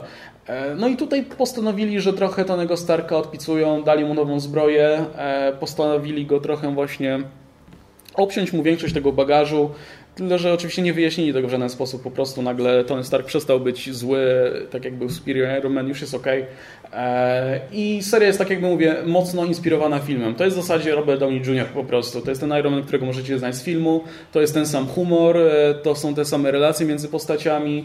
E, I, no i to jest taka seria bardzo uniwersalna. To jest zresztą flagowy tytuł Marvela, z którym bardzo mocno promują, który tak jakby ma nadawać ton. Iron Man prawdopodobnie będzie się pojawiał w każdym możliwym evencie, w każdym crossoverze i tak dalej, bo to ma być taki po prostu flagowy e, tytuł i, flagowa postać, więc e, warto akurat tę serię czytać. Jeśli mielibyście powiedzmy wybrać tylko jeden zeszyt e, z tego nowego portfolio Marvela, to myślę, że powinien to być właśnie Invincible Iron Man, bo z jednej strony jest to całkiem naprawdę porządna pozycja, a z drugiej strony no też powiedzmy jest dosyć ważna tutaj w kontekście tego uniwersum. E, jeśli ktoś natomiast chce właśnie drużynę, powiedzmy sobie, bohaterów inną niż Avengers, która zajmuje się jakimiś dużymi, powiedzmy, kosmicznymi e, zagrożeniami, no to jest coś takiego jak Ultimates. I tak jak widzicie, jest tutaj właśnie, właśnie Captain Marvel, ale jest też na przykład Black Panther i tak dalej. No i to jest ekipa, która lata po kosmosie i zajmuje się naprawdę takimi dużymi zagrożeniami. Więc jeśli komuś brakuje właśnie komiksu gdzie bohaterowie mierzyliby się z takimi naprawdę dużymi zagrożeniami, takimi jak Galactus na przykład, któremu w zasadzie, którym się rozprawiają w dwóch pierwszych zeszytach, to polecam właśnie Ultimates. I ostatnia, chyba, chyba ostatni komiks, który tutaj jest na liście, to jest nowy Hulk, bo teraz się pojawi nowy Hulk. Poprzedni, nie wiemy gdzie jest poprzedni, bo był Secret Wars e, i możliwe, że niedługo zostanie wyjaśnione, ale w nowym uniwersum pojawił się nowy Hulk, jest nim Amadeus Cho, postać, która była już obecna wcześniej, e, między innymi właśnie w seriach e, z Hulkiem, między innymi w seriach pisanych przez Grega Paka, który teraz e, pisze tę serię. E, I jest to bardzo przystępna pozycja, taka bardzo właśnie pisana kompletnie pod nowych czytelników, e, gdzie mamy zupełnie nową postać, zupełnie nowej roli, która da się dopiero uczy tego wszystkiego, jak to ma działać, gdzie prawdopodobnie co jakiś czas będą się pojawiać jakieś postacie gościnne, więc dobry wybór właśnie dla osób początkujących. Aha, no właśnie i jeszcze na sam, sam koniec, ostatnia sekcja w zasadzie, jaką przewidziałem, to to, że to jest sekcja komiksów, które można polecić fanom seriali, bo e, no, Netflix i też inne powiedzmy telewizje wypuszczają te seriale z bohaterami Marvela, e, no i co, co, co by tu warto było czytać, jeśli się te seriale śledzi. Więc po pierwsze jest ten Daredevil, który właśnie wychodzi teraz od, w nowym uniwersum Marvela.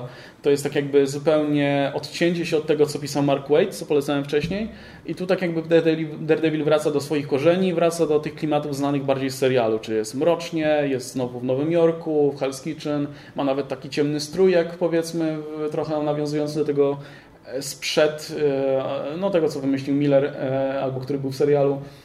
No i to jest taki, no mi się niespecjalnie szczerze mówiąc ten komiks podoba, ale jeśli ktoś woli te takie bardziej klasyczne wcielenie Daredevila, to jest to dobry wybór. Jeśli chodzi o Jessica Jones na przykład, czy Luka Cage'a, no to w zasadzie oni się nie pojawiają nigdzie poza tym komiksem Mighty Avengers. To jest taka drużyna lokalna, powiedzmy, drużyna superherosów, która sobie działa w Nowym Jorku i stara się być no, stara się po prostu służyć ludziom i być, być tutaj, zajmować się lokalnymi problemami. E, no i głównie Luke Cage tutaj działa, bo Jessica Jones, jeśli jesteście, jeśli jesteście zainteresowani Jessica, no to tylko alias w zasadzie wchodzi w grę, ewentualnie Puls, kontynuacja, bo w nowych seriach Jessica Jones nie zajmuje się niczym innym niż chodzeniem ze swoim dzieckiem na ręku, e, więc no, będziecie rozczarowani. Jeśli ktoś lubi Agents of S.H.I.E.L.D., to wychodziło coś takiego jak S.H.I.E.L.D. w All New Marvel Now, czy w Avengers na zasadzie. E, to była seria team-upów, więc po prostu brano jakichś tam losowych agentów, Colsona, czy May, czy kogoś tam innego, no i parowano ich z jakimiś herosami Marvela. Szczerze mówiąc, ja odpadłem gdzieś tak po którymś numerze. Co jest? Tak, skończyła się, natomiast e, teraz jest wydawane coś innego. I ostatnio wszedł pierwszy zeszyt, ale jeszcze szczerze mówiąc nie przeczytałem go. Coś, co się nazywa Agents of S.H.I.E.L.D. I tu tak jakby masz drużynę, która jest inspirowana mocno tym, co jest w serialu. To nie jest to samo, ale mm, część postaci przeniesiono z serialu, jak May, czy nie wiem, czy, e, no, czy Colsona, czy Fitza i Simmons a część po prostu wzięto sobie z uniwersum Marvel. Więc jest ten Deadlock, który miał swój komiks ostatnio, ale się nie sprzedawał, więc go wrzucili tutaj. Jest Daisy Johnson, która wcześniej istniała w uniwersum jako Quake, e, ale była po prostu efektem eksperymentu swojego ojca, a tutaj nagle jest Inhumans, bo, Inhuman, bo czemu nie? Bo Secret Wars było. E, I jest Mockingbird, która już była tam powiedzmy wcześniej jakoś w tym uniwersum. Więc to będzie komiks typowo właśnie o, o tej grupie agentów inspirowanych e, serialem. Natomiast to, co było wydawane wcześniej już nie jest kontynuowane. Aha, no i jeśli ktoś lubi, jest fanem Punishera na przykład, albo Elektry, którzy, którzy się pojawią w drugim sezonie Daredevila, to był też wydawany w Marvel na taki komiks jak Thunderbolts. E, oczywiście komiksów Thunderbolts było już trochę w Marvelu, to zwykle były po prostu drużyny złożone ze złoczyńców albo antybohaterów. E, w tym przypadku jest to drużyna, którą e, zbiera Red Hulk, bo on powiedzmy zostawił za sobą trochę niedokończonych spraw i stwierdził, że zbierze ekipę i zacznie je załatwiać. E, a jednocześnie odpłacając się członkom swojej drużyny po prostu co jakiś czas będą też załatwiać ich jakieś problemy. Więc to jest taka drużyna, która jest nierządowa, tak jakby załatwia swoje interesy. E, całkiem nieźle się zaczyna, potem moim zdaniem troszkę poziom spada, potem znowu jest całkiem ok pod koniec, ale jeśli ktoś lubi Pani Shera, no to, e, to myślę, że to jest jedyna pozycja, jaką w Marvel Now wydawano. Natomiast wolnie Marvel Now wyda, zaczęto wydawać jego solową serię, której nie czytałem, powiem szczerze, ja nie sprzewadam za Punisherem, ale która zbierała bardzo dobre recenzje i, uznają, i znajomi fani tutaj bardzo ją chwalili. E, no jest to komiks, w którym Punisher wysadza w powietrze obsadę Fantastycznej Czwórki, więc warto choćby dlatego obejrzeć. I to tyle, także to tyle tych komiksów. E, trochę Was przetrzymałem, także przepraszam. No i myślę, że, że to tak jakby pozwoli powiedzmy raz, że się zorientować generalnie jak to uniwersum Marvela wygląda i dwa, że tak jakby powiem Wam jakie tytuły tu są warte uwagi. Bardzo dziękujemy Łukaszowi za prezentację. Może zasłużył na jakieś brawa? Czy też nie? Dziękuję.